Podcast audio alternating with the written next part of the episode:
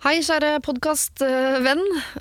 Denne podkasten her er eh, Altså, den virker sikkert normal, det er ikke noe grunn til å grue seg. Eh, Det er jo da produsent Martin Daniel og eh, Adam Schjølberg som skal være mine gode hjelpere. Og Adam Schjølberg og jeg vi har snakket mye sammen opp igjennom, eh, blant annet fordi vi har veldig eh, lik smak når det kommer til menn. Altså, vi faller for samme type menn. Og da jeg var gjest i Adam Schjølberg sin podkast, eller jeg var vikar for Tore her for en tid tilbake, så snakket vi en del blant annet om nettopp Martin Daniel og alle de tingene vi ønsket å gjøre med han, eller de tingene vi ønsket at han skulle gjøre med oss. Og det blei altså innimellom glemmer man at uh, man sier ting og at folk skal høre på. Uh, jeg tror nok både Adam og jeg krysset fingrene ganske greit for at i hvert fall ikke Martin Daniel hadde hørt det vi hadde sagt om han, før vi plutselig skulle tilbringe litt tid sammen, vi tre i et lite rom. Uh, og det tror jeg ikke han har heller, for han var utrolig hyggelig, høflig, normal, søt, sjarmerende.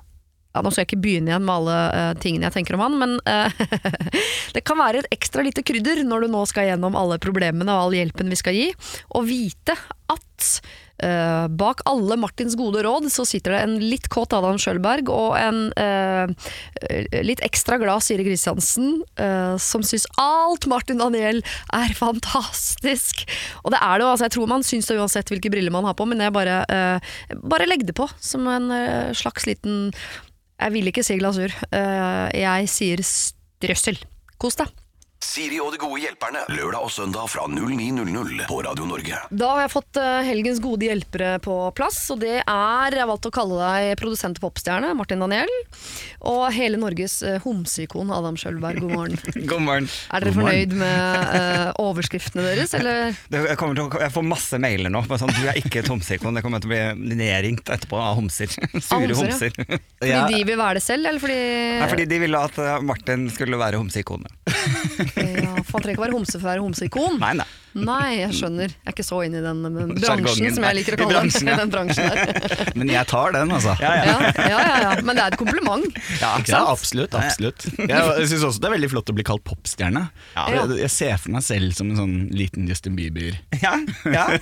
ut på siden her, selv om jeg kanskje ikke er det. Ja, fordi Hva er det som mangler for at du skal være popstjerne? At du må synge selv, eller hva?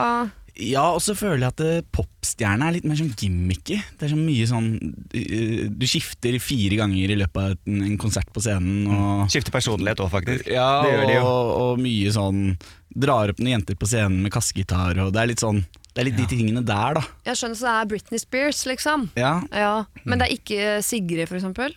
Nei, jeg vet ikke om hun er jo Kanskje hun er popstjerne hun nå. Men jeg tenker, når jeg tenker popstjerne, så tenker jeg liksom popstar. Ja, vi tenker Ja. Los Angeles. Ja, det er liksom eh, One Direction, Justin Bieber, Britney, Ja. eh, Hannah Montana. Ja, Etter en Miley Cyrus, kanskje, var det det hun het? ja, ja. Ah, det er så gøy at hun fortsatt kalles Hannah Ja. Montana og jobba så hardt for å Jo, bli men, Miley Cyrus. nei, nei, men fordi Miley Cyrus er jo mye mer rockestjerne Ja, enn ja. popstjerne. Helt Ja. klart. Ikke sant? Ja. Montana er popstjerne. Ja, ja, ja. Hun var popstjerne, ja. Eh, jeg kunne jo også sagt om deg, Adam Sjølberg, at du er eh, forfatter, for det er du jo plutselig. ja det, men Gjelder det når du har skrevet én bok? Ja, Det har jeg diskutert noen ganger. Så lenge det ikke er barnebok eller krim, så tror jeg det går. Ok, Så jeg kan på en måte nå Nå kan jeg kalle meg selv forfatter? Ja, for Hva kaller man sånn bok som er gitt ut? Er det en roman, eller er det Ja, det faglitteratur? er, dette går jo under sakprosa. Sakprosa. Ja, ikke sant? Men jeg fikk skvatt litt når jeg skulle skrive under den der kontrakten. Da sto det sånn 'forfatterens underskrift'. Og Ja. det var jo rart, da måtte jo jeg skrive under der. Så jeg, jeg syns jo det var merkelig. Men du er vel ikke offisiell forfatter før du har fylt inn på sånn working at på Facebook? Forfatter? Ja, ja, ja. Se- Det, det, da, da er man det, har, forfatter. det har jeg gjort. Men da er du forfatter. Da syns jeg du er forfatter. Ja, ok, kult. Ja, men det Jeg går ganske bra allerede. Men den er jo Ja, det går kjempebra. Det, ja, det er overraskende bra, egentlig. Jeg var litt sånn Jeg tror jeg skvatt litt eh, når jeg fikk boken i hånden, for alle sa at det kom til å være sånn Å, det er en baby som du har liksom babyen din, og det kommer til å føles veldig rart å få den i hånden. Mens jeg var mer sånn Å ja. Ja, for folk skal jo faktisk lese det som står inni. Og da var det sånn, hva faen har jeg egentlig skrevet? Så jo, det er jo veldig rart. Er det noe du angrer på å ha skrevet inn her? Er, Nei, absolutt ikke. Eh, Det er vei, vel veid gjennom. jeg tror vi er skada av noen år med sånn podkast og utlevering, hvor man bare man, altså man skriver og sier så mye rart nå fordi man glemmer at uh, folk skal se på og høre på og sånn. Ja, det ja, bare ta, holde- tar man ikke stilling til i det hele tatt. Nei. Har du noen nye sånne eh, prosjekter? Babyprosjekter? Da mener jeg ikke nødvendigvis fysisk baby, Martin. Selv om hvis du har det, så må du gjerne fortelle. Men eh, Jeg har jo Du faktisk har det. jo det, gratulerer. Ja, noen ekte baby? ja. En ekte Ja. baby på vei. Ja. Og så mange andre små babyer på vei i form av musikk. Så Skriver man da far på Facebook? I liksom uh, i yrket Der jeg har forfatter, så putter du inn pappa. Pappa, ja. Uh, ja, far. Ja, far. Far. Vil du bli kalt far eller pappa? Pappa. Pappa Men, er koseligere. Men det Det er er litt kult med sier. far òg. Far, far! Hvor er ukepengene mine, far? Oi, oi, oi. Altså, hvis du har sagt far, så kan det hende jeg har sagt sånn Da må du gå hjem, Ja, må du. Orker, jeg orker ikke. Får ikke lov å være her lenger. Jeg er jo fra vestkanten, så jeg har jo eh, legitim grunn Ja. til å kunne bruke Far. Far, far Ja. Ja. Nei, gå for det hvis du Altså, uh, popstjerne og far, Martin Daniel. Det er klart at uh, vi kan holde på den. Ja. Uh, og forfatter Allan Schjølberg også. Dere skal hjelpe folk nå de neste timene i dag og i morgen. Og til deg som hører på, hvis du trenger hjelp, så send det til meg på sirialfakrøll radionorge.no. Siri og de gode hjelperne. Kjære Siri og de gode hjelperne. Hver morgen tar jeg bussen til jobb, og i det siste har det dukket opp en eldre dame som tar den samme morgenbussen som meg. Hun begynner alltid å prate om livet sitt, og spesielt fra da hun var på min alder. Jeg som er B-menneske er så klart morgengretten og lite interessert i å høre en monolog om livshistorien hennes hver morgen, eh, men allikevel så anstrenger jeg meg svært og prøver å smile og virke som en god lytter. Det går ikke så mange busser fra mitt stopp, så jeg er nødt til å ta den samme bussen som henne uansett når jeg skal til jobb. I går ba hun meg hjem på kaffe, og jeg ble så perpleks at jeg bare sa ja, det kan vi vel få til, men jeg ville jo ikke det, så hvordan kom jeg meg unna den? Nei, kanskje hun dør før kaffen. ja, Hvis du bare utsetter og utsetter og utsetter. Ja. Hun har jo på en måte allerede sagt uh, ja, altså, det er jo litt vanskelig da å skulle gå og si nei. Et oppsøkende nei, liksom. Men har, har man liksom gitt fra seg Er hun her på Messenger, liksom? Altså på Face og sånn? Den gamle dama? Ja. Nei, det tror jeg ikke. Altså, hvordan får de tak i hverandre? Jeg mener, eh, ja det, De møtes vel bare på bussen, da.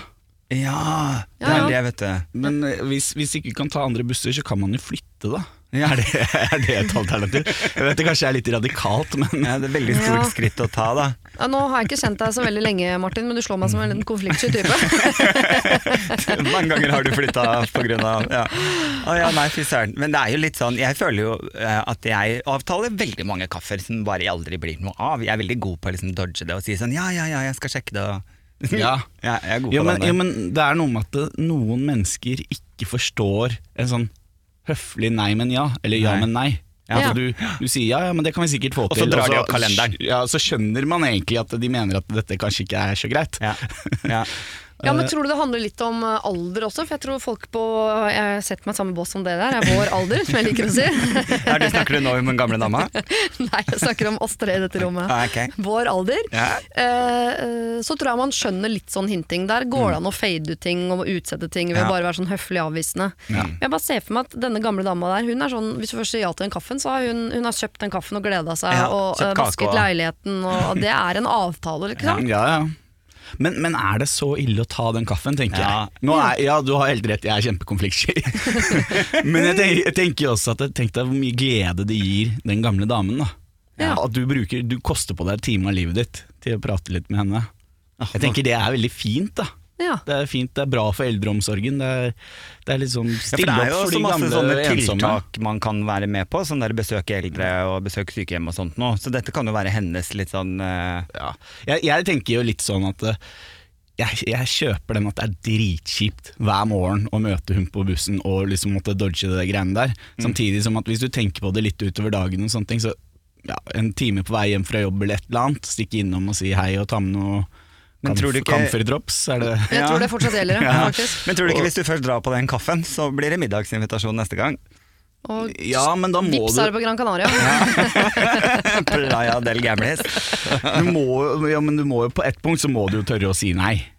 Du må Ja. tørre å si at eh, Ja. takk, men nei takk. Eh, det var hyggelig. Det hadde vært veldig hyggelig. Også. Ja. Men jeg, jeg er litt, eh, heller litt mot faktisk Den kaffen kan du ta, men Mm. da må du også ha, ha støtte nok til deg sjøl til å si nei til den middagen. Altså, Ja. Hvis det blir, hvis det blir mer invitasjoner. Ja, for jeg tenker Hvis dette hadde vært en gutt som har bedt deg på date, og den daten vil du ikke gå på, så må du klare å si nei til den. Må du ikke liksom bare bli med på litt og litt og litt, og så plutselig har du to unger og en elbil, Ja. liksom. Da må, du må stoppe det. Det er noe med det. For så konflikt. Martin, skal vi gå på date? Eh, Kanskje Vi kan ta en kaffe, da. Ja, vi kan ta en kaffe. Ja. Ja, ja. Jeg har kalenderen med meg, så vi kan ta en tid. Alternativ. Kalender og finn, eh, finn eh, ikke, Jeg skulle si finn hull, men alt ble feil. Eh, Jeg, bare- jeg liker tanken på at denne unge jenta skal bli med denne gamle dama hjem. For det er helt som dere sier at sånn, ok, så har du morgengretten og sånn, men det kan jo hende at, hun, at den kaffen kan bli hyggelig. Kanskje hun får lyst til å spise den middagen. Ja. Og kanskje det blir lettere å treffe hverandre på bussholdeplassen. Og hvis man har tatt den kaffen, så er det Mm. lettere å se henne i øynene på onsdag og si sånn, vet du hva, i dag er jeg så trøtt at jeg bare har lyst til å høre på uh, musikk. Mm, Og ikke prate. Er det greit i dag? Og så kan du dagen etter, hvis du har overskudd, så kan du snakke litt. Så jeg bare tenker, Altså, dette kan, det kan være begynnelsen på en fantastisk film. Skjønner Ja. Og så ja. drar du til hun gamle damen og spiller din musikk, og så sitter dere og ler, og så får du høre på gammel musikk. Dette kan bli en film. Men så er det også Ja. alternativet andre veien, da. At det kan bli en skrekkfilm. Ja, det kan Eh, bli ja. Og da tenker jeg at da må hun spille det kortet om at jeg har lært av foreldrene mine å ikke bli med fremmede hjem. ja. Så, så hun kan jo spille den nå. Jeg vet ikke, nå- Hun er kanskje, kanskje litt for gammel, Ja. men Ja. Uh, aldersforskjellen er jo der. Så Eller være så ungdomsufyselig på den kaffen at hun sørger for å aldri bli invitert igjen. ja. På en måte. Oh, men hvis det er konfliktsky, så er det vanskelig. Altså. Å, være, å være drittsekk med vilje, liksom. Å være ufyselig. Ja. Ja. nekte å ta seg på beina, eller altså bare være sånn grisfæl, liksom. Ja. Slenge bena på bordet og Ja. Ja. Ikke ikke- bygge coasters og sånn. Altså, det er jo et alternativ å på en måte gjøre det sånn, ja. Eller med en gang hun begynner å snakke om krigen, sier sånn Jeg liker, jeg liker ikke jøder sjøl, jeg. Eller altså bare være helt ute på noen politiske greier. og så er hun dama sier sånn Ok, du må gå hjem. Åh, ja. Eh, Det er eh, rart for meg å skulle si det, for jeg tror Jeg vet ikke om jeg hadde gått for det sjøl, men i en perfekt verden så ønsker jeg at du skal bli med hjem på den kaffen. Eh, ikke for at det er noe du skal gjøre på daglig basis, men jeg tror at eh, det kan bli hyggelig. Hvor ille kan det være, på en måte? Og jeg tror at hvis dere blir litt bedre kjent, så kan det være lettere for deg å være B-menneske i etterkant. Hvis du kjenner henne bedre, så kan det være lettere å, å eh, på en måte s- si nei til den praten på morgenen hver eneste dag. Hvis ikke, så må du gjøre som Martin ville ha gjort. Ja, du må rett og slett flytte. Siri og de gode hjelperne. Jeg jobber veldig tett med en helt fantastisk eh, fyr. Han er en av de snilleste, godeste menneskene jeg har møtt. Vi har det siste halvåret snakket mye sammen over sosiale medier utenfor jobben og blitt godt kjent. Vi har funnet på nye når vi er, mye når vi har vært på byen vi begge bor i, og vi har det alltid veldig kjekt sammen. Vi møttes i sommer og dro på hyttetur bare vi to en langhelg, og det var nydelig. De siste ukene har vi sett på film, kosa, kyssa og vært nære når vi har vært alene. Han har sagt at han er interessert i å prøve og se om dette kan bli noe mer. Jeg er usikker. Og dette er fordi han har et utseende jeg ikke er tiltrukket av. Er det greit å droppe en fyr fordi utseendet ikke når opp til det jeg selv liker? Jeg tenker det er veldig frekt og stygt gjort, men eh, man skal jo tross alt forhåpentligvis bruke resten av livet på å se uh, hverandre. Takk på forhånd, kall meg Angelica, jeg er 26, han er 35. Altså, hun liker han åpenbart godt, Ja. han liker henne, men hun liker ikke utseendet hans. Hvor gammel var hun, sa du? 26. Oi. Og lurer på om det er eh, slemt å droppe en fyr fordi hun ikke liker utseendet hans. Den er vanskelig. Det er Ja. vanskelig. Skulle, ja, for det er liksom, jeg skjønner den der Skal vi starte dette med at jeg tenker det får vekk det stygge trynet ditt, liksom? Er det en god start? det er jo ikke det. Men eh, ja, jeg vet ikke. Jeg har en sånn eh, altså, Etter hvert som jeg har blitt litt mer voksen, jeg skal ikke skryte meg veldig stor alder her, jeg er 37, men jeg merker jo en stor forskjell på en måte et, å være singel i store deler av livet, i voksenlivet òg. Altså, etter 30 så handler det jo mest for meg om hva jeg syns er sexy, legger jeg ikke nå bare i utseendet lenger. Det handler om den energien. At de er sexy av person, for eksempel. Da. Ja. Så eh, det, er litt sånn, det kan være litt sånn ung greie det der innimellom. Det er at utseendet har mer å si enn det egentlig har. At det går Ja. over litt det der. Jeg vet ikke. Jo, jo, nei, jeg er egentlig veldig enig. Jeg tror at uh, personlighet er jo det viktigste. Ja. Uh, men, men så spørs det, da. Er hun da faktisk tiltrukket til han? For jeg tenker at hvis du, hvis du liker en person så godt, så ser du på en måte forbi utseendet. For det er jo egentlig Og så har de jo allerede De kysser og koser og ser på film. Ja. Det er veldig rart hvis du har lyst til å brekke deg da, egentlig. Altså, hvorfor gjør du dette da? Veldig konfliktsky. Ja, jeg, ekstremt konfliktsky. Jeg minner om at jeg leste denne mailen fra Angelica flere ganger, for jeg ble eh, litt i stuss på hva jeg tenkte her. Fordi eh, Vanligvis er det sånn at hvis du blir veldig veldig forelska i et menneske, så glemmer du det utseendet. Da kan jo Mhm. Ja, ja. den eh, ja. største padda bli den søteste prins, liksom. Eh, Så da tenker jeg sånn, Hvis du fortsatt syns at han er stygg, så er det jo fordi du ikke er forelsket i han. Og det handler egentlig ikke om utseendet, det er bare du er ikke forelska i fyren. Ja. Men stort sett hvis du treffer en som du liker veldig veldig godt, men du orker, du orker ikke å kysse med han, så kan det jo handle, handle om utseendet, liksom. Men det har hun allerede Mm, har gjort. hun så jeg på, gjort. Mm. det, så du kan kysse med han og kose med han og se på film og sånn. Hva er det du ikke kan gjøre med det ansiktet? Gifte deg med det, eller hva? Jeg, jeg, bare- Men tror du ikke mange ganger er- at det er liksom ideen For det, jeg kan huske det veldig godt, at jeg hadde en veldig tydelig idé om hva slags type jeg skulle være sammen med. Ja. Liksom jeg hadde, og ideen er jo ideen, det er jo ikke nødvendigvis realiteten. Og det er jo også det der med å liksom bli litt eldre og skjønne det at å ja, ok, det, det var en idé. Litt sånn jeg skal bli rik og berømt når jeg blir stor. Så ble jeg det. Eh, men, men, men den der følelsen av at jeg tror jeg vet hva jeg vil ha, og så møter du noe som, som overrasker deg. Da, at du må også være litt sånn åpen for det, tror jeg. Ja. Det er en veldig sånn vanskelig alder òg, fordi Fordi det, er den, det er den sluttfasen av å være ung og dum og, Ja. og løpe rundt på byen og Og bare gå på utseendet. ja, ikke sant? Ja, Og så er det jo det er jo veldig mange sånn i, altså i alderen 26 til, til 30 da, som finner på en måte den partneren de, de ender opp med, i hvert fall, Mm. hvert Ja, fall ja. for en stund. Ja, ja, ja. Til runde to, så. til, til runde to og runde tre. Men, eh, men det, er, det er jo, folk går jo inn i de forholdene med en litt annen mentalitet enn det man kanskje gjorde da man var 16-17-18. Ja. Eh, så det er jo det er kanskje det som også er med på å skremme henne litt. Da, det der at ok, vi- Hvis det blir oss, så skal det være oss for alltid.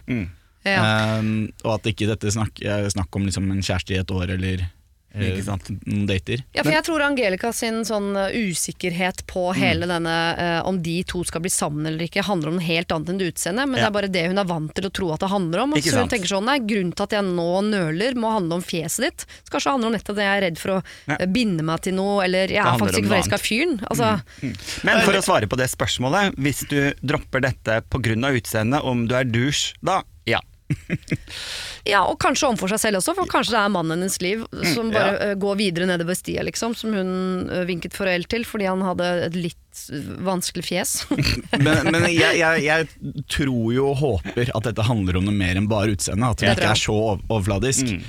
Men hvis hun er det, så kan hun jo og, og Problemet hennes er kanskje det at hun er redd for at vennene sine skal tro, eller hva som helst. Så kan hun jo bare laste ned alle disse appene som får deg til å se vakker ut.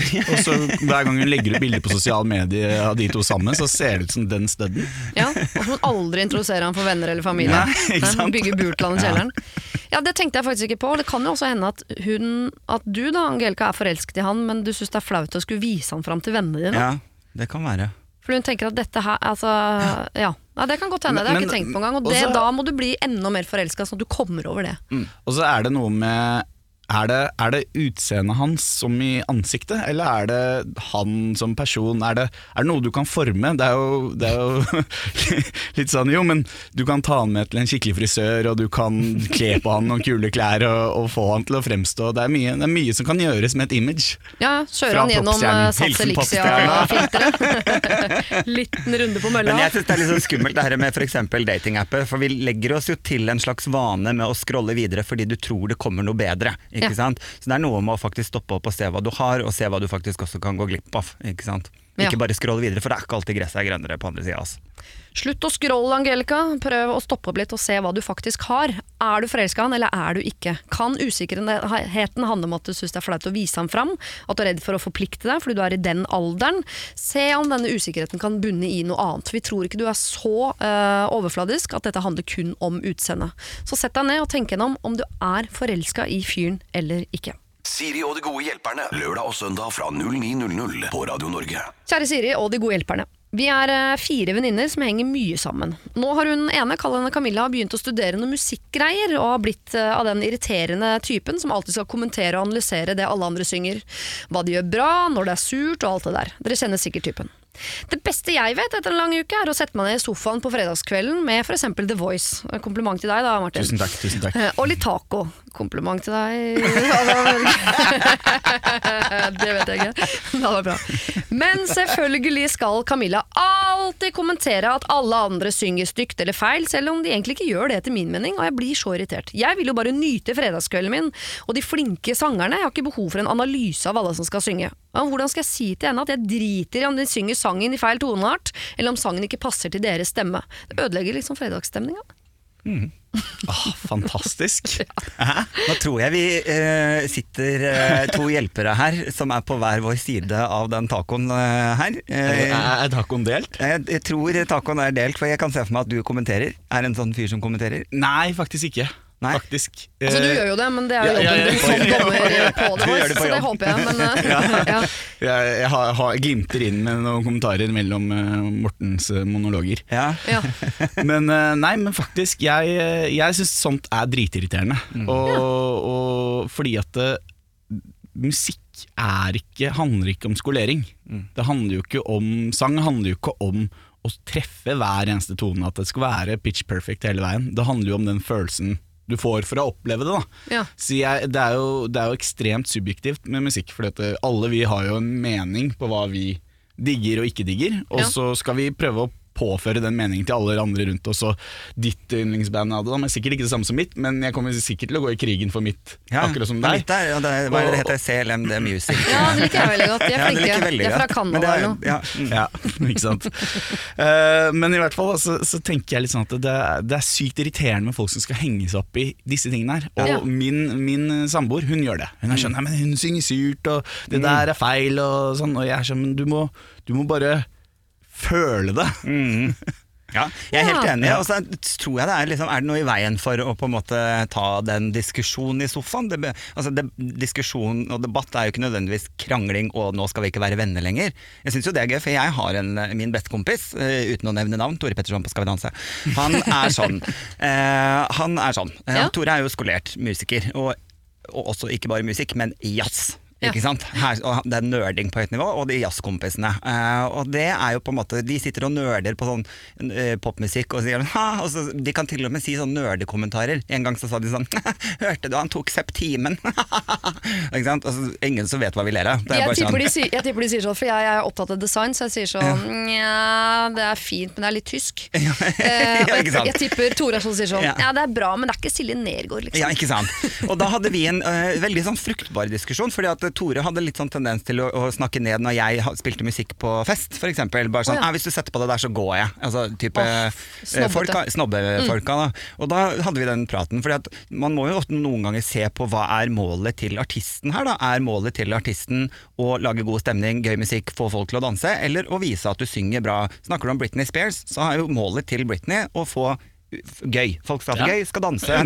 Ikke sant? Og da vil jeg jo si at Britney har gjort en rimelig utmerket bra jobb. Ja. Det kan jo ingen ta ifra henne. Jeg tror ikke Britney gikk inn og tenkte nå skal jeg være Céline Dion. Det tror jeg ikke. Nei. Så det er jo målet med artisten her, og hva visjonen til artisten her òg. Dette er er en ikke- gøy er ikke- diskusjon å ta, tenker jeg. Ja, men nettopp er det ikke disse, disse diskusjonene som er litt gøy. For jeg Ja. Vi samla jo eh, 50 stykker vi i kantina på skolen for å se på Idol hver fredag. Nettopp fordi vi skulle si sånn Det var surt, her var det surt. Nei, den passa ikke til henne. Her Ja, ja. skal hun ha på seg Altså, Det var jo hele poenget. Man Jeg sitte og er diskutere. dritbra, liksom. Ja, ja, ja. det er jo det man skal gjøre. Jeg tror bare de sliter med at Camilla har liksom nå tror- eh, ja, Hun har snobba seg opp på et nivå Ja. for sånn, jeg studerer musikk, så Ja. mine meninger er litt mer korrekte enn deres. Jeg Ja. har jo prøvd å se på film med folk som har gått på Ja, ja, Lillehammer ja. på Filmens gate. Det er jo grusomt. Ja. Det er dritirriterende. Ja, ja. Men, eh, men eh, eh, nå husker jeg ikke hva hun het, hun som har skrevet dette kjære brevet. Det skulle hun bare navngitt venninnen Camilla. Ah, ja, ok. Så du som er venninnen til Camilla, Ja. uh, istedenfor å ta den diskusjonen, så bare meld Camilla på The Voice. Og så får vi se hvor langt hun kommer. Mm, oh, Det er gøy. shade. Eh, men eh, ja, Ja, samtidig som jeg er sånn Jeg blir noen ganger lei at folk sier sånn ja, Er det noe bedre sjøl? Eh, nei, men jeg har Nei. masse meninger Ja, om det likevel. Liksom. Jeg, vet, eh, jeg kan snakke timevis om feil toneart. Jeg kan Ikke synge den riktig sjøl. Men jeg tror ikke man skal være så redd for å ta diskusjonen, for det, det, det er jo det som er, det gjør det gøy å se på The Voice og Idol, er jo å sitte hjemme på stua og, og snakke om bare, Hei, jeg syns det var dritbra, jeg syns ikke det var bra. Og eh, I forhold til min beste kamerat, når vi hadde disse pratene, så ble han litt sånn Ja, han var egentlig enig med meg etter hvert. At å ja, målet er jo at folk skal danse. Så bra, kult. Ja. Da er vi enige, liksom. Men kan man også kommentere til Camilla sånn Du, jeg synes jeg er kjem... Og bare være sånn For jeg, hvis jeg møter folk som er overdrevent sure og skeptiske, syns jeg det er gøy å bli overdrevet blid og glad. Mhm. Ja, Eh, selvfølgelig. Det skjer veldig sjelden at Ja. det går den veien, men du vet det. Og da er sånn, Jeg syns de er kjempeflinke, hvorfor er du så sur? da? Eller ja. syns du ingenting er bra? da? Uh, Altså bli litt sånn Slenge litt dritt til venninnen sin. Ja, er eller så kan hun kjøre bare den Jeg er helt enig. Hver gang. Mm, Jeg er helt enig. Og så bare legge Helt ballen enig. død, liksom. Ja, ja, for da Så syns hun ikke det er noe gøy lenger. Nei, si for da er det da, da, Ja, Da får ikke hun noe på en måte fôr på Ja. meningene sine. Hun får ikke noe bensin på bålet, Nei, og da, nei, nei, det er da slites hun ut, og så sovner hun, og så kan du se eh, The Voice etter eh, nyhetene igjen alene. alene. Ja. Eller at du kan gjøre det når det er sånn nyhetsbrekk i midten her, som er utrolig irriterende for øvrig. Så kan ta med deg det tilbake til TV 2. Uh, altså, jeg er interessert i å se sang her! Driter i hvordan det går. Om Ålesund fortsatt brenner. Ja. Men uh, at hun kan kommentere alle nyhetene. Ja, for eksempel. Å være like irriterende i nyhets... Eller, og reklamen. Ting hun eh, har påberopt seg å ha peiling på. Og så syns jeg alltid et godt argument i sånne situasjoner er å si at alle, uavhengig av talentet, men alle som våger å sette en fot på en scene foran et publikum, skal ha kred for akkurat det, i hvert fall. Ja. Det er et minimum. Ja. Her syns jeg det er mange gode tips til deg som ikke vil navngi andre enn venninnen din Camilla. Jeg syns du skal melde Camilla på The Voice. Jeg syns du skal prøve å være enig i absolutt alt Camilla sier. Ja. Eller så syns jeg du skal være irriterende blid i andre retningen og, og kommentere hver gang hun kommenterer på at hun er så fryktelig sur. Uh, dra i gang sjøl med noe kommentering i nyhetspausen der. I det hele tatt. Her synes jeg skal prøve veldig mange veier inn og se hva uh, Camilla biter på. Fordi uh, altså, det dyret der må temmes. Og, Sånn er det og er, du ikke redd, er, du, er du såpass redd for å si fra til venninnen din, så er det ikke en venninne. Nei, du skal ikke være redd for diskusjon. Nei. Slutt å invitere der Camilla på taket, da. Herregud. Flytt. Siri og de gode hjelperne. Send oss en e-post på siri at radionorge.no. Berlin, Take My Breath Away fikk du her på Radio Norge, hvor jeg, Siri Kristiansen, for øyeblikket sitter alene. Mine to gode hjelpere har tatt en eh, pause, fordi jeg skal eh, oppdatere deg og meg på hvordan det går med denne Johanne, 22 år. Jeg vet ikke om du husker henne, men Johanne, 22, hun var eh, sliten. Altså Hun er oppvokst med en far som var psykopat, altså diagnostisert psykopat. Og i etterkant av å ha fått han ut av livet sitt, eh, så satt hun igjen med en mor som var ganske eh, manipulerende på mange måter. Altså Hun ga eh, denne Johanne mye dårlig samvittighet for hvis hun var borte, f.eks. Hvorfor, eh, hvorfor skal du dit nå, hvorfor kan du ikke være mer sammen med meg? Syns jeg skal sitte her alene med min egen depresjon, osv. Så, videre. så hun følte liksom at mye av eh, morens problemer eh, ble hengende på henne. Johanne 22 år, og hun orket ikke, men klarte ikke å konsentrere seg om studier. Hun ville egentlig bare sammen med kjæresten sin, men hun hadde fått dårlig samvittighet og flyttet til han. Og i det hele tatt. Så eh, hvordan skulle hun gjøre dette? Det spørsmålet er jo både stort og vanskelig. Jeg er veldig glad for at jeg slapp å svare på det alene. Eh, Mats Hansen og Ingeborg Senneset var mine gode hjelpere, og dette er noe av det de mente kunne være lurt. Det høres jo ut sånn, uten, altså, uten å kjenne alt inngående her, at dette er noe som ikke vil bli bedre med tid, snarere tvert imot. Mhm. Eh, hvordan blir det da når denne moren eventuelt får et barnebarn? Eh, Ja. Hvordan skal det håndteres? Jeg må bare si at jeg ble veldig veldig rørt av å høre på henne. Og det at hun har reist seg på den måten der, det er bare så utrolig imponerende, og det håper jeg hun tenker på ofte. Man må ta en, altså man må ta en konfrontasjon her, tenker jeg. Og når Ja. hun tenker så langt som til å ghoste sin egen mor, så tenker jeg at vi må prøve å støtte hun i hvordan det kan gjøres på en måte som hun kan eh, leve med. da. Det med kanskje går det an å skrive f.eks. et brev, da, eh, der hun får formulert litt av de samme tingene som er her. Mm. Hun kan jo da ikke regne med at det her nødvendigvis blir veldig pent. Mora sliter åpenbart veldig med sitt. Søstera sliter nok også med sitt. Mm. Eh, og de kanskje ser hun som en veldig, eller ser Johanne da, som en veldig sterk person, sånn at det da går fort utover hun. At de kanskje klandrer hun for å ødelegge deres lille gjeng. Stemmene du hørte her var altså Mats Hansen og Ingeborg Senneset, som var mine gode hjelpere helgen 8. juni der. Og eh, dette var jo bare noe av det de mente at Johanne 22 år kunne gjøre. Og jeg har fått en ny mail fra Johanne i etterkant, og her står det. Jeg er evig takknemlig for at du ville prate om mitt problem på radioen. Det var så godt å høre tankene til noen som er ute, utenforstående i situasjonen, og jeg må innrømme at jeg felte noen tårer da Ingeborg sa at jeg skulle være stolt over meg selv. Innerst inne har jeg alltid visst at det å ta avstand fra moren min er det beste for meg, men likevel er det vanskelig å gjøre gode ting for seg selv når man ikke er vant til det. Jeg har en fantastisk kjæreste som jeg ser for meg fremtiden med, og vennene mine har blitt som en familie for meg. Så med tiden til hjelp tror jeg ting vil bli bedre, selv om det ser mørkt ut akkurat nå. Og hver gang jeg begynner å tvile på om jeg har tatt det riktige valget, ja, så skal jeg høre på denne podkastepisoden. Tusen, tusen takk. Klam, klamme klemmer, det står det ikke, det står varme klemmer fra uh, Johanne. Så bra, Johanne. Det høres ikke ut som du konkret har gjort noe foreløpig, men du har allerede nå inni hodet ditt på en måte slått deg mer til ro med at de valgene du har tatt for deg i ditt liv, ikke er egoistiske, men de er derimot meget, meget viktige og helt, helt riktige. Siri og de gode hjelperne. Radio Norge. Hei, Siri og de gode hjelperne. Ta tiden til hjelp, sier folk. Nå har jeg tatt i bruk tida som hjelp de siste to årene, noe som ikke ser ut til å fungere, eh, og tar derfor kontakt med dere isteden. For de to siste årene har jeg hatt grusom kjærlighetssorg. Jeg ble dumpa hardt og brutalt som lyn fra klar himmel, bla, bla, bla, dere skjønner greia. Det var dritt, det er fortsatt dritt, og det kommer til å være dritt resten av livet. Eller? Jeg har prøvd Tinder, jeg har vært på date, et par rebounds har det blitt, jeg har forsøkt å tenke på noe annet, jeg har forsøkt å skjerpe meg, jeg har forsøkt å ikke sjekke sosiale medier, som jeg likevel gjør, og jeg har til og med vært hos legen. Den dag i dag har vi 0% kontakt, men jeg får av og til en melding der det står sånne ting som at 'hvordan går det med ny kjæresten din', selv om jeg ikke har kjæreste. Eller kan stå 'har du den grå genseren min', selv om jeg aldri har sett han med noen grå genser. Og dessuten så tenker jeg på det han sa når han dumpet meg. Kanskje om ti år. Jeg skulle ønske det snart sluttet å knyte seg i magen hver gang jeg tror jeg ser ham på bussen, på gata, i baren, på butikken. Men har dere en magisk oppskrift på hvordan man skal komme seg ut av kjærlighetssorg? Må jeg rømme landet? Det kommer Martin til å si at du skal. Bare sånn. Eh, Tilleggsinformasjon, vi var sammen i to år. Jepp, ikke mer enn det. Jeg er 28 år, om det spiller en rolle, kall meg Guri. Ikke for å være sånn irriterende som henger seg opp i, i detaljer her, men null prosent kontakt. Men han sender meldinger av og til. Jeg bare sier Rent matematisk er det feil. Så over til følelser. Hvordan skal Guri bli kvitt altså, den forferdelige kjærligheten? Nå har hun hatt kjærlighetssorg like lenge som hun var sammen med denne gutten. Det Kan er dere vanskelig. relatere? Absolutt. Jeg, har, eh, jeg har hatt en lignende situasjon selv, øh, og det er helt jævlig. Ja. Det er, øh, jeg har ingen gode svar på hvordan komme seg ut av det. Men du har jo tydeligvis kommet deg ut av det, for jeg håper jeg da. Hvis ikke så Jo, jo. må du be dama di ikke høre på dette Dette ble mer deprimert tok en vending som ble litt sånn deprimerende. Jeg liker egentlig ikke hun jeg er sammen med. Du kan bare tenke på eksen. Det bare, bare trist Oi, oi, oi. og jævlig. Nei, det der er, det er vanskelig. Kjærlighetssorg er vanskelig, og kjærlighetssorg gjør vondt. Og det tror jeg, jeg tror vi alle kan relatere til det. Ja. Eh, Jeg har liksom ofte liksom i etterkant, det er lett å si i etterkant, men det at, at noe gjør vondt, uh, betyr egentlig bare at uh, det var viktig for deg. Det som skjedde, liksom, det vi hadde var viktig for meg. Og Det er også en veldig fin tanke å se tilbake på, at det betydde noe på et punkt i livet mitt. Det er derfor jeg faktisk er lei meg. Eh, men så er det jo sånn at jeg hadde jeg har også vært i en sånn der eksen sendte sånn sporadiske meldinger, så jeg fikk liksom aldri muligheten til å komme helt over. For jeg gikk liksom og lurte, ja, kanskje det blir oss, da, da vil jeg jo ikke møte noen andre. I tilfelle plutselig han ombestemmer seg eller snur, da. Og da måtte jeg også være voksen nok til å si du må, du må slutte å sende sånne meldinger. Ja. Eh, fordi det, det står i veien for at jeg klarer å gå videre. Så nå må du faktisk være snill med meg, og bare, bare la være å gjøre det der.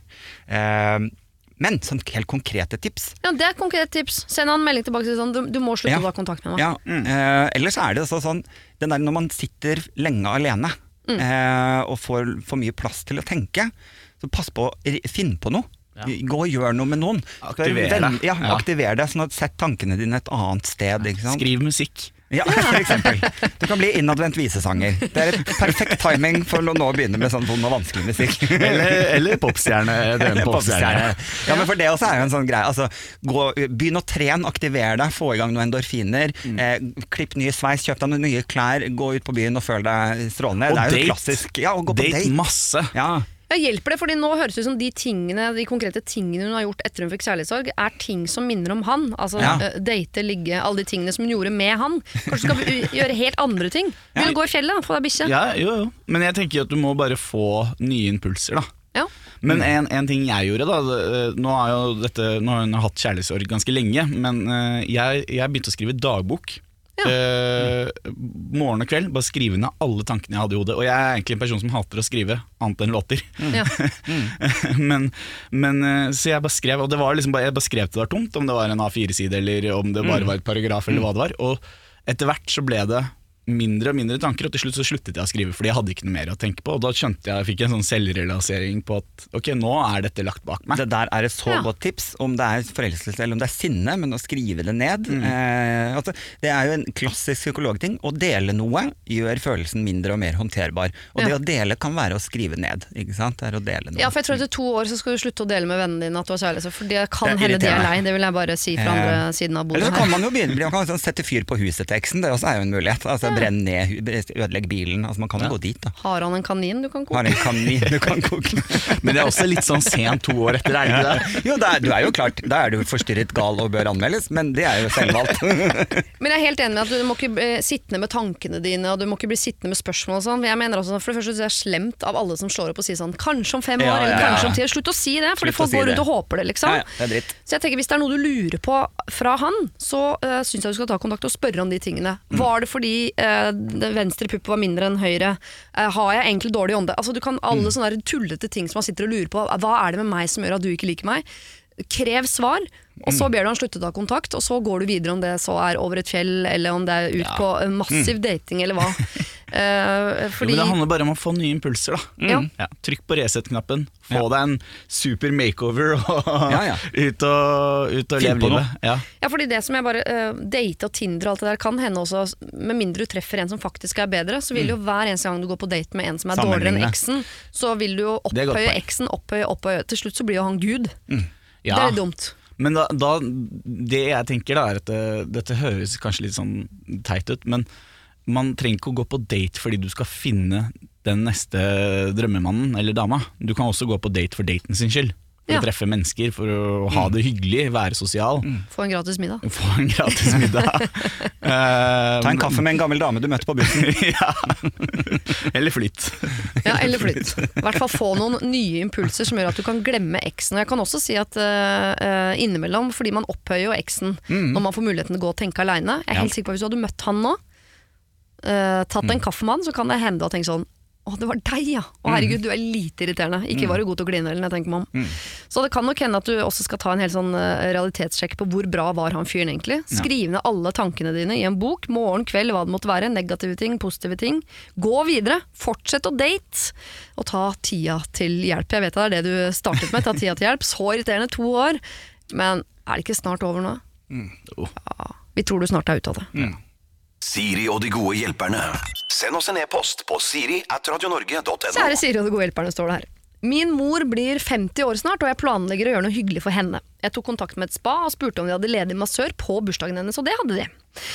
De fortalte at mannen het Ahmed, og de fortalte at han hadde svært gode referanser. Og jeg googlet han og fant ut at han er fra Egypt, og at han hadde diplomer fra et massasjeinstitutt i Egypt. Jeg er likevel litt bekymret.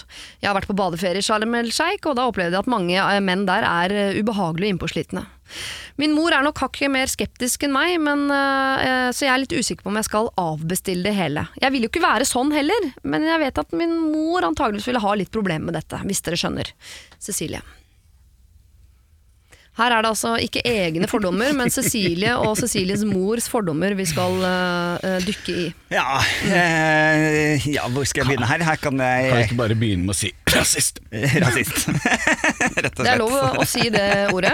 Ja, det er jo dessverre ikke dessverre heller. Det er det det er. Men hvis moren til Cecilie er eh, rasist, da, mens Cecilie bare er rasebevisst, som de pleier å si eh, hva, eh, Cecilie ønsker jo ikke å være sånn, men moren er eldre, så hun har liksom ikke lært seg at det er ufint å være rasist. Eh, på en måte, For den generasjonen der er jo det, mange av de. Eh, Men det er sånn dårlig unnskyldning. Det er en jeg. veldig dårlig unnskyldning. Det er litt sånn at det er greit at gamle mennesker krasjer bilene sine fordi de er gamle. ja. Det, er, det er litt sånn Det er ikke greit. Det er fortsatt ikke greit. Nei, jeg er enig med at det ikke er eh, Jeg er enig med at ikke det er greit. Man har jo måttet stoppe noen besteforeldre sånn innimellom med noen Ja. tanker som man tenker at det der er ikke lov å hverken Ja. tenke eller si lenger. Men eh, er dette veien å gå? Å tvinge mor ned på en massasjebenk og inn kommer Ahmed? For det møtet kan bli ubehagelig for begge. Nei, men det er jo ikke noe hyggelig i utgangspunktet. Hvis, det, hvis, hvis mor opplever det som ubehagelig, Ja. så er det jo ikke noe hyggelig gave. Da burde man jo revurdere hele gaven. Kanskje dra og kjøpe noe sølvskjeer eller jeg vet ikke hva mor 50 ønsker seg. Jeg, hun er faktisk bare 50. da er ikke det Ja, hun er faktisk bare 50. Hadde han vært 90, så hadde jeg tenkt sånn la henne dø med rasismen sin, på en måte, men hun er faktisk ja, 50. Ja, men det, jo, men det er litt det, da. Men, men jeg tenker at ok, hvis du skal på død og liv gi henne spa, og, Ja. og sånn, så kan man jo da på en høflig måte si at eh, kanskje at mor heller vil ha en kvinnelig massør. Ja. Og så unnlater man egentlig å tappe inn på det problemet. Går rundt Fra- grøten, som det heter. Ja. Mm. Men er ikke dette fordi uh, Jeg skjønner jo at det er det som antageligvis kommer til å skje. Cecilie kommer til å avbestille denne massasjen. Men hadde det ikke vært fint om Cecilie tenkte sånn Vet du hva, vi gønner på med den massasjen her, for det er det mamma Hun trenger å få massert opp de dårlige holdningene sine. Ja. Så får det bli litt vanskelig, og så får jeg håpe at hun lærer noe av det. Det var det jeg, jeg tenkte liksom først, det er bare send hun på den massasjen asap, liksom. Altså, det var det jeg gikk til eh, ganske kjapt. Men det er jo på en måte litt dårlig gjort å skulle bruke da Ahmed oppi dette her, som, eh, som også kan risikere å få en ganske kjip dag på jobb, som kan ødelegge uka, og ikke bare det, men kanskje mer òg. Eh, liksom, kjipt å liksom sette han inn som et virkemiddel her, uten at han egentlig er informert i det hele tatt. Det er Ja, liksom men skal man kunne- gjort mot Kan man informere han det? Hei, skulle bare si fra at den klokka to-avtalen din, hun er blodrasist. Kos deg! Ha det! Lykke til!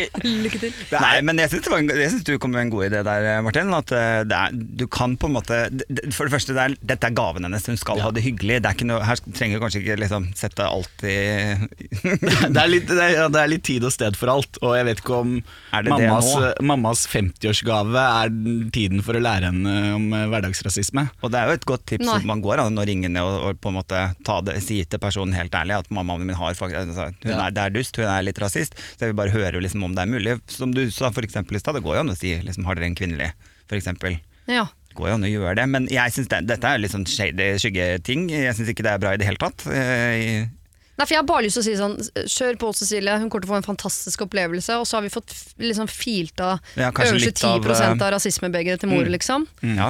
Men, Men, men jeg tenker at da er det heller bedre at hun tar litt grep da, ja. om moren sin, og så kanskje snakke litt med mor, og får henne til å forstå. Kanskje de skal ta seg en tur eh, et eller annet sted og kjenne litt på at eh, folk er folk, og det spiller ingen rolle hvilken hudfarge de er. Og det høres ut som datteren Ja. her sjøl hadde hatt godt av å utsette seg for eh, andre mennesker. Det er jo på en måte det hun hadde hatt godt av sjøl.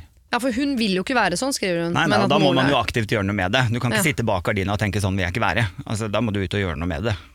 Ja, så her høres det ut som både mor og datter trenger en liten sånn Ja, ta sånn eh, dobbeltmassasje, så bli med. Så legg, legg deg ved siden av mor di. Og Nei, men jeg tenker at de skal på en eh, liten reise rundt i verden og spise noe fremmed fremmedmat og oppsøke noe fremmede kultur. Ja, men jeg bare tenker at her, Dere må utvide horisontene deres litt, grann, begge to. Eh, Veldig. Mor er tross alt bare 50. Det er ikke sånn at hun er Nei. 90 år og opplevde Men- krigen, liksom. Tror du det er sånn at de, de tenker at de kommer unna med det fordi De sa jo at de hadde vært i Egypt, ikke sant? Men da, da reiser de jo til et sted hvor mm, på en måte det er en fremmedkultur. Mm. og, så, og så er det sånn ja, men det var veldig hyggelig og eksotisk, og så kommer de hjem til Norge og så er sånn her skal det være, Her skal det være norsk. brødkost og hvite mennesker, ikke sant? Ja. At, uh, kanskje, kanskje de har mer godt av å ta seg en tur i Oslo sentrum? ja. Ja. Mm. Nei, nå har jeg lyst til å sette opp det perfekte plott. At vi sender mor til en uh, ung, kritthvit pike. Som er altså overgriper. Altså, Ja, ja. Som begynner å massere puppene hennes ganske intenst. Sånn at hun må protestere og bli sendt inn til uh, Ahmed på rommet ved siden av, som er verdens hyggeligste fyr. ja, det hadde vært gøy. Ja, det hadde vært det aller, beste. ut. Ja, det er jo et event, Cecilie. Her må du inn med et firma. Ja. Uh, nei, jeg vet ikke hva jeg skal si til deg. Cecilie, du ønsker ikke å være sånn. Ønsker du at moren din skal være sånn? er mitt spørsmål tilbake. Uh, men det grunnen til at vi faller ned på at du kanskje skal eh, tenke deg om, er rett og slett av hensyn til Ahmed, som kanskje får en utrolig ubehagelig opplevelse på jobben, som får inn da den mora di på 50 som er så utrolig skeptisk. Så selv om hun absolutt trenger dette der, så er det ikke sikkert at han trenger en sånn dag på jobben. Uh, fortell meg hva du lander på, her er jeg usikker. Send en ny mail og si hva det blei til. Dro mora di på spa, og hvem masserte? Siri og de gode hjelperne. Hei, Siri og de gode hjelperne. Jeg har en søster som bor i Spania, og det har hun gjort mesteparten av sitt voksne liv. Hun har en mann der og barn der, mens jeg bor her i Norge med eh, mitt barn. Mannen hennes liker ikke å fly, og de har mye mindre ferie enn det vi har her i Norge. Eh, og lønningene i Norge er også bedre. Kombinasjonen av dette har gjort at hun har vært eh, i Norge to ganger de siste ti årene, mens sønnen min og jeg har vært og besøkt dem ja, ca. tre ganger i året. Digg kan kanskje noen tenke, og et slags feriested nede i Syden der, med basseng til og med, men jeg kjenner på en skjevfordeling, og at ansvaret for at vi ses og holder kontakten oppe, blir min. Jeg kunne jo latt være selvfølgelig, men jeg merker at lang fysisk avstand også gir større psykisk avstand. Dessuten gjelder det jo ikke bare meg, men også barna våre. Små barn har behov for hyppigere kontakt for å ha en god relasjon og holde språkkunnskapene oppe. Jeg syns det hadde vært digg om de kunne komme hit noen ganger også, og at ikke vi alltid må reise dit. Spesielt jul, påske, som er ferier jeg elsker her hjemme i Norge. Nå er det høstferien som gjelder. Pga. dårlig råd så dro jeg ikke til henne verken i sommer eller påsken som var, så vi har ikke sett hverandre siden jul. Og jeg kjenner mer og mer på en urettferdighet for at vi skal uh, ses igjen, ligger uh, på meg. Sånn at det blir uh, min økonomi det må gå utover nok en gang. Begge deler er vanskelig å ta opp, eh, siden hun har dårligere råd enn meg, og har vanskeligere for å reise pga. mannen og dette med at de har lite ferie. Jeg har tatt opp med henne en gang, og da ble hun bare stille. Og da jeg ba henne om å reagere, så sa hun bare 'jeg hører hva du sier'. Jeg teller på knappene om jeg skal dra i høstferien eller ikke, og på en måte bør man kanskje bare bite det i seg, tenker jeg, men på en annen måte så uh, kan dette bikke over i bitterhet uh, også, så hva syns dere jeg skal gjøre? Skal hun dra til Spania eller ikke? Alltid dra til Spania. Ja, det Altså, tenker altså, fra- vi fordi fra- vi sitter her og har lyst på en tur til Spania, Fra en bortkjent bortskjemt til en annen. Ja. Buhu. Du, livet er vanskelig. Nei da. Men eh, nei, jeg, jeg ser den at det, det, det koster jo. Ja. Uh, og det er, jo, det er jo utfordrende når det blir sånn, og det er jo klart at eh, hun, søsteren i, i Spania, burde jo kanskje også komme litt mer til Norge, men, men så er det jo økonomi, da. Og så handler det kanskje noe om lyst. Har hun så lyst til å komme tilbake til Norge? Kanskje hun, ikke, kanskje hun har behov for å ikke besøke Norge? Kanskje hun har dårlige minner herfra? Ja. Så tror jeg det er jo litt sånn uh, altså, som, som hun sier selv også, at søsteren har eh, dårligere råd og mindre ferie og en mann som ikke kan reise. Du skal ikke se bort ifra at søsteren faktisk sitter og har litt dårlig samvittighet òg her. Eh, og nå er det jo også sånn at hun har kanskje ikke råd. At eh, da er på en måte, Hvis ikke du drar ned sjøl, så kommer ikke hun til å komme hit. Du, for Det kan godt hende hun har lyst og dårlig samvittighet i tillegg, men har ikke råd, så har man jo ikke råd. Sånn er, det får man jo kanskje ikke gjort noe med. Nei, jeg får bare inntrykk av at uh, hun som sender inn også uh, egentlig heller ikke har råd. Men så, det er jo litt sånn forskjell på folk sånn uh, Jeg bare kjenner på det i en venninnegjeng som avtaler ting sammen, så er det alltid noen som ikke har råd. Mhm. Eh, og så er det noen som tar seg råd. Jeg skjønner at hvis de pengene ikke fins i Mhm. det hele tatt Men eh, to ganger på ti år, altså, de har jo jobb. Du klarer å komme deg til Norge. Jeg, jeg har en idé. Ja. Eh, spleisepott. Ja. Man lager et, eh, et reisefond Som, som, som de begge skyter inn penger i når de kan. Om de, om de deler det 50-50 eller hvordan de løser det, må de løse sikkert i forhold til hverandres økonomi, men finner en eller annen løsning hvor de begge kan være med på å betale, og så reiser de annenhver gang. Så annenhver gang så går de pengene til flybilletter til Spania, annenhver gang så går de pengene til flybilletter til Norge. Så reiser de, så tar de Fordi hennes hovedproblem her virker det som at det er at hun alltid må reise til Spania. Altså Økonomien er jo et faktor, men det virker som at det kommer litt sånn i andre prioritet. Men kanskje det ikke er det for eh, søsteren i, i Spania. Men hvis de da legger opp til at ok, nå kommer jeg til deg, neste gang kommer du til meg. ja. Mm. Ja, hvis ikke så lenge ikke økonomien er nummer én på en måte for, for Ja. de som bor her i Norge, så er det en god idé. Ja, ikke sant? Og det blir jo, det blir jo sånn at hver tur blir litt billigere for, for begge, istedenfor for at hun må reise tre ganger i året. da mm Men Så er det jo billigere for henne å betale litt for at eh, søsteren sin skal komme til. Norge. Ja. Og så blir det jo hyggeligere, for det er typisk nå at selv om disse turene sikkert egentlig både er og men kunne vært enda hyggeligere, men så sitter man og gnager litt på det Ja. Altså, ah, vi har gjennom sånn Ja, med det ja. jævla bassenget og den varmen og den gode vinen.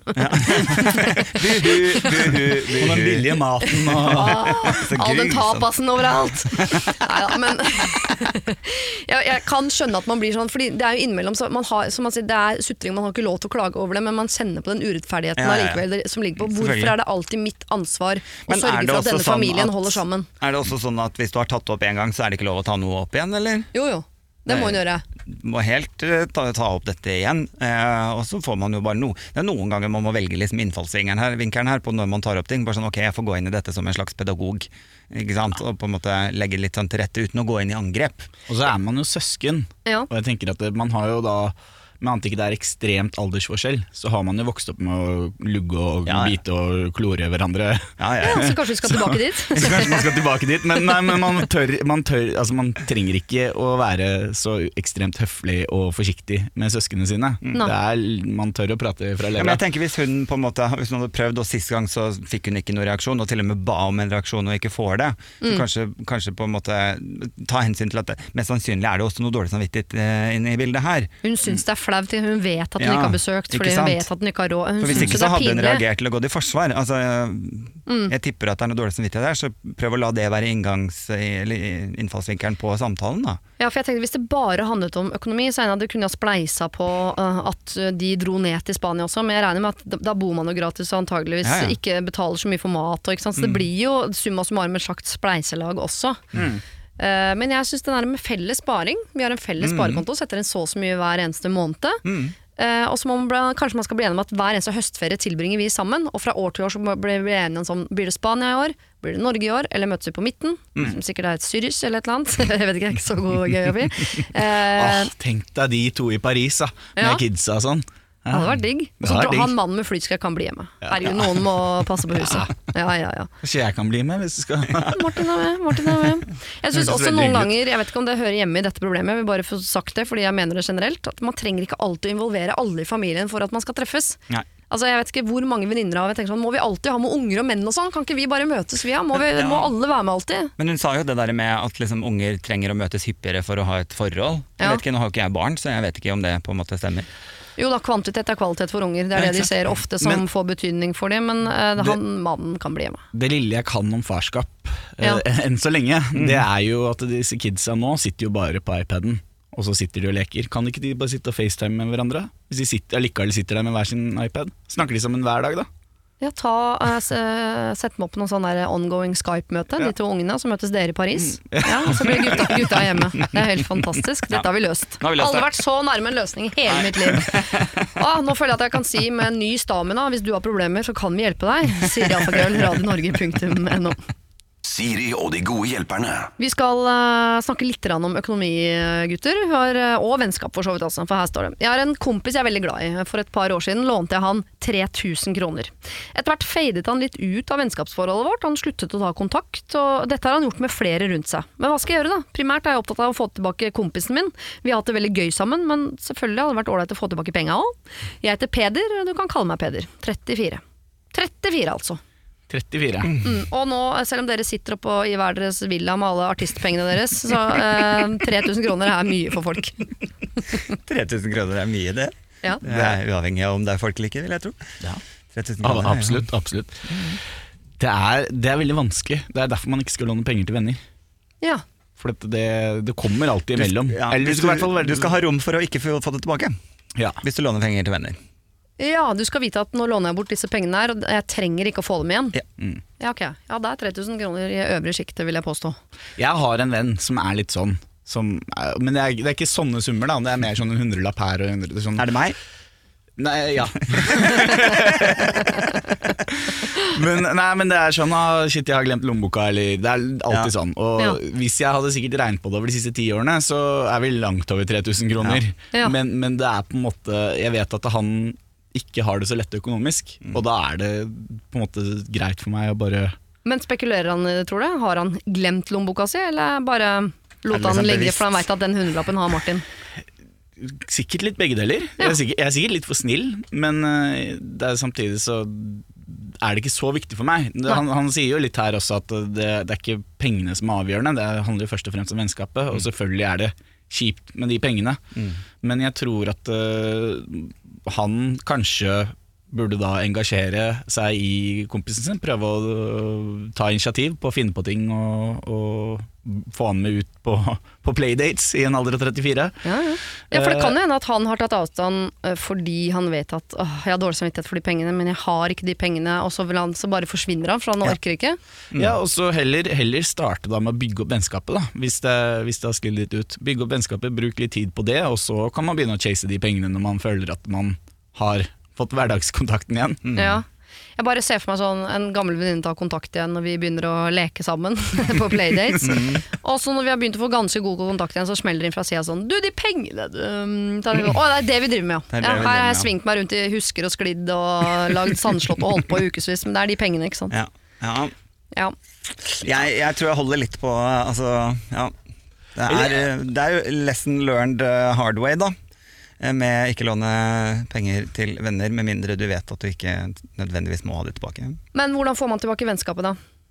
Ja, da må du jo sette vennskapet først. Da. da må du faktisk gå inn i deg selv og si ok, de pengene er tapt, Men, eh, og det er ok. Ok. Men han kan ta kontakt igjen, og han kan pleie den relasjonen de to har, men ja. kanskje anse pengene som tapt, med Ja. mindre han fyren her tar det opp. Ja. Eller eventuelt så kan man jo håpe at han er en ålreit fyr, og at eh, kanskje, kanskje han ikke har råd til å betale de 3000, men at eh, når de drar på denne playdaten hvor de skal spille minigolf, for det skal de i mitt hode, Ja. eh, så, så spanderer han minigolfen og en øl, da. Ikke sant? Og så, og så på Få det tilbake på den få det på tilbake i den måten. At det, kanskje, kanskje han tar, eh, spanderer en ekstra øl her og der. Men det vet man jo ikke om typen. Nei, da. for da er mitt spørsmål sånn, skal man ikke nevne de pengene? For jeg ser for meg at ok, la oss si at mm. Peder her bare på en måte bestemmer seg for jeg, de pengene er glemt. Jeg skal ha vennskapet, jeg glemmer de pengene. Og så drar de på den minigolfen, da. Og så står kompisen der, så har han glemt lommeboka si, så det er Peder som må betale de 400 kronene for den minigolfen. Da er plutselig de 3000 kronene tilbake, for da Ja. tenker ikke du sånn Ja. å ja, 400 kroner, ja. Da er det plutselig 3400 kroner Ja. for den minigolfen. Så jeg tror, jeg tror de må, at de 3000 kronene må nevnes, hvis han tar kontakt igjen og Ja. Eh, Men altså, allerede, Kanskje bare si 'jeg driter i de pengene, men kan vi treffes', liksom? Ja, ja jo, jo, det er absolutt. At man, man snakker gjennom det. Men Mm. at du går inn med en innstilling om at de pengene er tapt. Og så får du heller se på det som en positiv greie, da. Hvis, det, hvis han kommer tilbake med det. Mm. Ja. Men at man sier det i starten sånn 'hei, kjempelenge siden jeg har sett deg, jeg eh, savner vennskapet vårt'. Mm. Håper ikke det handler om de pengene, de er ikke så viktige for meg, jeg har bare lyst til å se deg. Skal vi spille minigolf? Mm. Du betaler. Bipolar, eh, send melding og sånn. Ja, ikke sant? Og så- når du først har fått han med på minigolf, Ja. så begynner du å bette, ikke sant? hvis du er litt god i minigolf, sånn som meg. Ja. Så, så begynner du å si du, skal vi spille liksom 500 kroner per hull, eller? Skal vi si 3000 kroner, eller? Kvitt eller dobbelt? Å, dette her kan gå begge veier, Peder. Men hvis du, er, hvis du mener det når du sier det, at det er det å få tilbake kompisen som er viktigst, så syns vi du skal gå for det. Du må anse de pengene som tapt, selv om det er mye penger. Eh, men vi syns ikke at dere ikke skal nevne det heller. Det må sies på en eller annen måte. For, for alt vi vet, så er det derfor dere ikke er venner. Fordi han syns det er flaut og ikke har de pengene. Og så får du se om du får dem tilbake litt etter litt, eller om du på et eller annet tidspunkt syns det holder at du bare har fått tilbake en god venn. Siri og de gode hjelperne. Lørdag og søndag fra 09.00 på Radio Norge. Du hører på Siri og de gode hjelperne her på Radio eh, Norge, og jeg sitter jo her da sammen med helgens gode hjelpere, som er eh, produsent og popstjerne, Martin Daniel, og hele Norges eh, skjegg- og homseikon, Adam Sjølberg. Det skjeggikon kan dere jo slåss om for øvrig, dere to. ja, Ja. det er sant.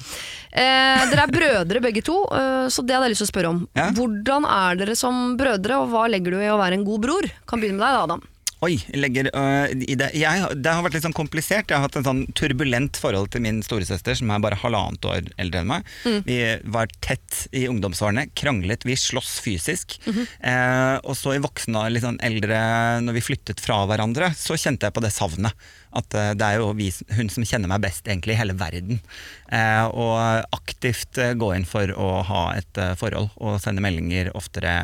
Eh, altså gjøre det til en greie for å på en måte vedlikeholde forholdet. Det er jo vi to som kommer til å stå der når foreldrene våre går bort. Så å passe på å pleie det forholdet, det har vært viktig for meg. Så du anser deg selv for å være en ganske god bror etter hvert? nei. Oh, ja, nei. Nei, det Hva er det du er dårlig på? Sender Eh, du for ja, ja. få meldinger, eller? Nei, jeg er dårlig på Hun bor jo eh, i Trøndelag eh, med barn, eh, og disse barna burde jeg vært mer, mer engasjert i, kan du si. Ja da, men det er hun som flytta til Trøndelag. Ja. Ja. Eh, Du da, Martin? Jeg har jo litt sånn rar eh, familiedynamikk, fordi at jeg har to eldre brødre som er ganske mye eldre enn meg, så jeg er skikkelig appåklatt. Oh, ja. Så det er, eh, det er 15 og 12 år mellom oss. Shit. Mm. Så- Er de single? Nei, dessverre. Bare lurte. Men, eh, men så, så jeg har Og de flyttet begge to av forskjellige grunner ganske tidlig hjemmefra. Så, så jeg har egentlig aldri bodd under samme tak med begge brødrene mine samtidig. Nei, Så, så du kjenner dem ikke så godt?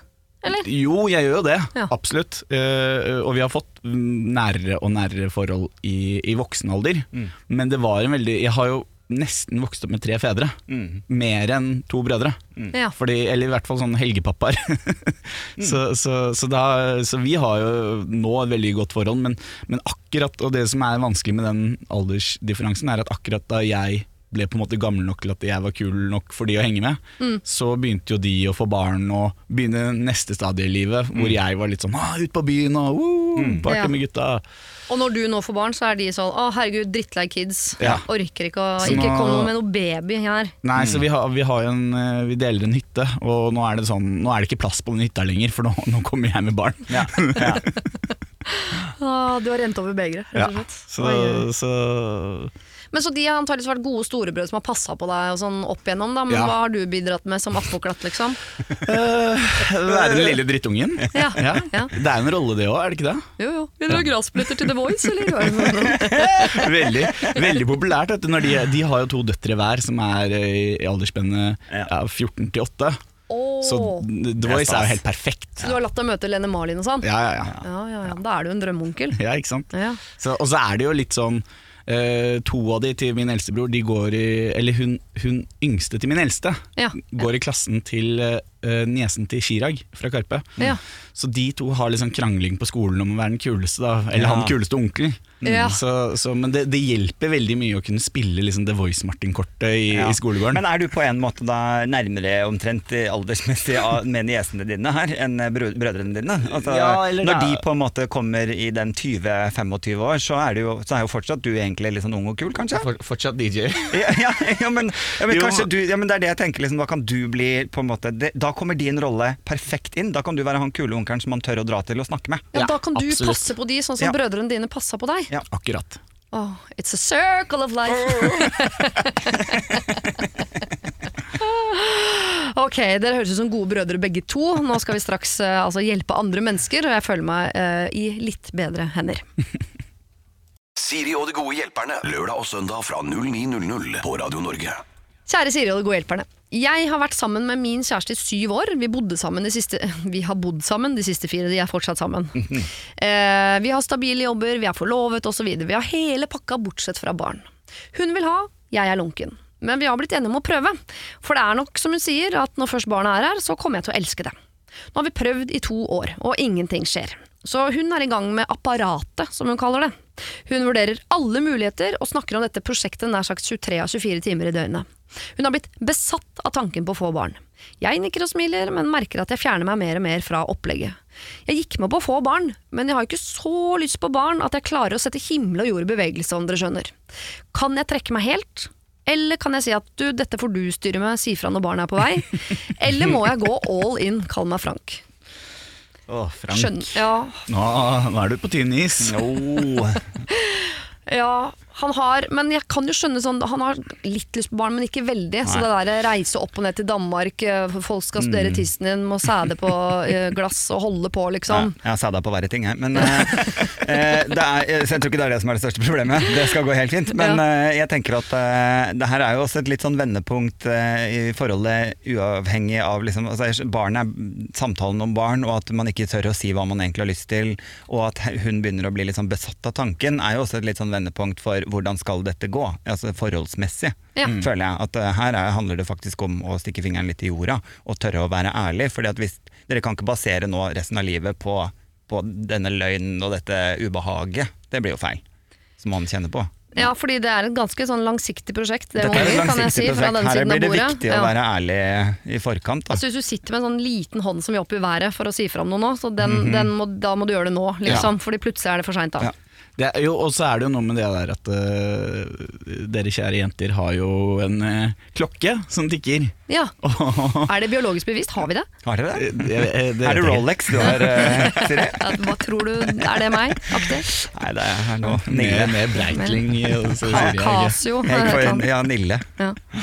Men eh, nei, så, det, så jeg tror at kvinner får en sånn større fokus på det da Ja. enn vi menn som bare er Å, vi, skal vi bli pappa? Kult. Og så har vi jo litt dårligere tid enn dere også, rent Ja. sånn eh, ja. Ja, Ja, jo, men det er det jeg mener at du Og menn skal jo ikke bære det heller. Altså, det- Nei, så, så vi blir jo ikke tvunget inn på den tanken. Så jeg, jeg tror at veldig mange menn er i den posisjonen der når den samtalen kommer opp. Mm. Uh, og at man, man tenker litt sånn Ja, ok, jeg kan sikkert bli med på å bli pappa, jeg, men men jeg vet ikke. Jeg har, har kanskje ikke Det det, er ikke det, det, ja, det er ikke det jeg brenner for akkurat nå. Og så er det noe som skjer i den prosessen. Da.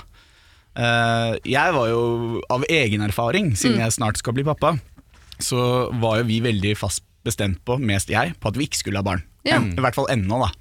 Eh, og, så, og så var det en liten luring som snek seg forbi keeperen, og, Ja.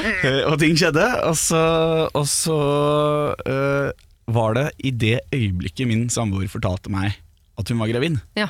så bare fikk jeg sånn euforia inni meg som var bare sånn shit, så fett. Dette, er det, dette er det kuleste jeg har opplevd.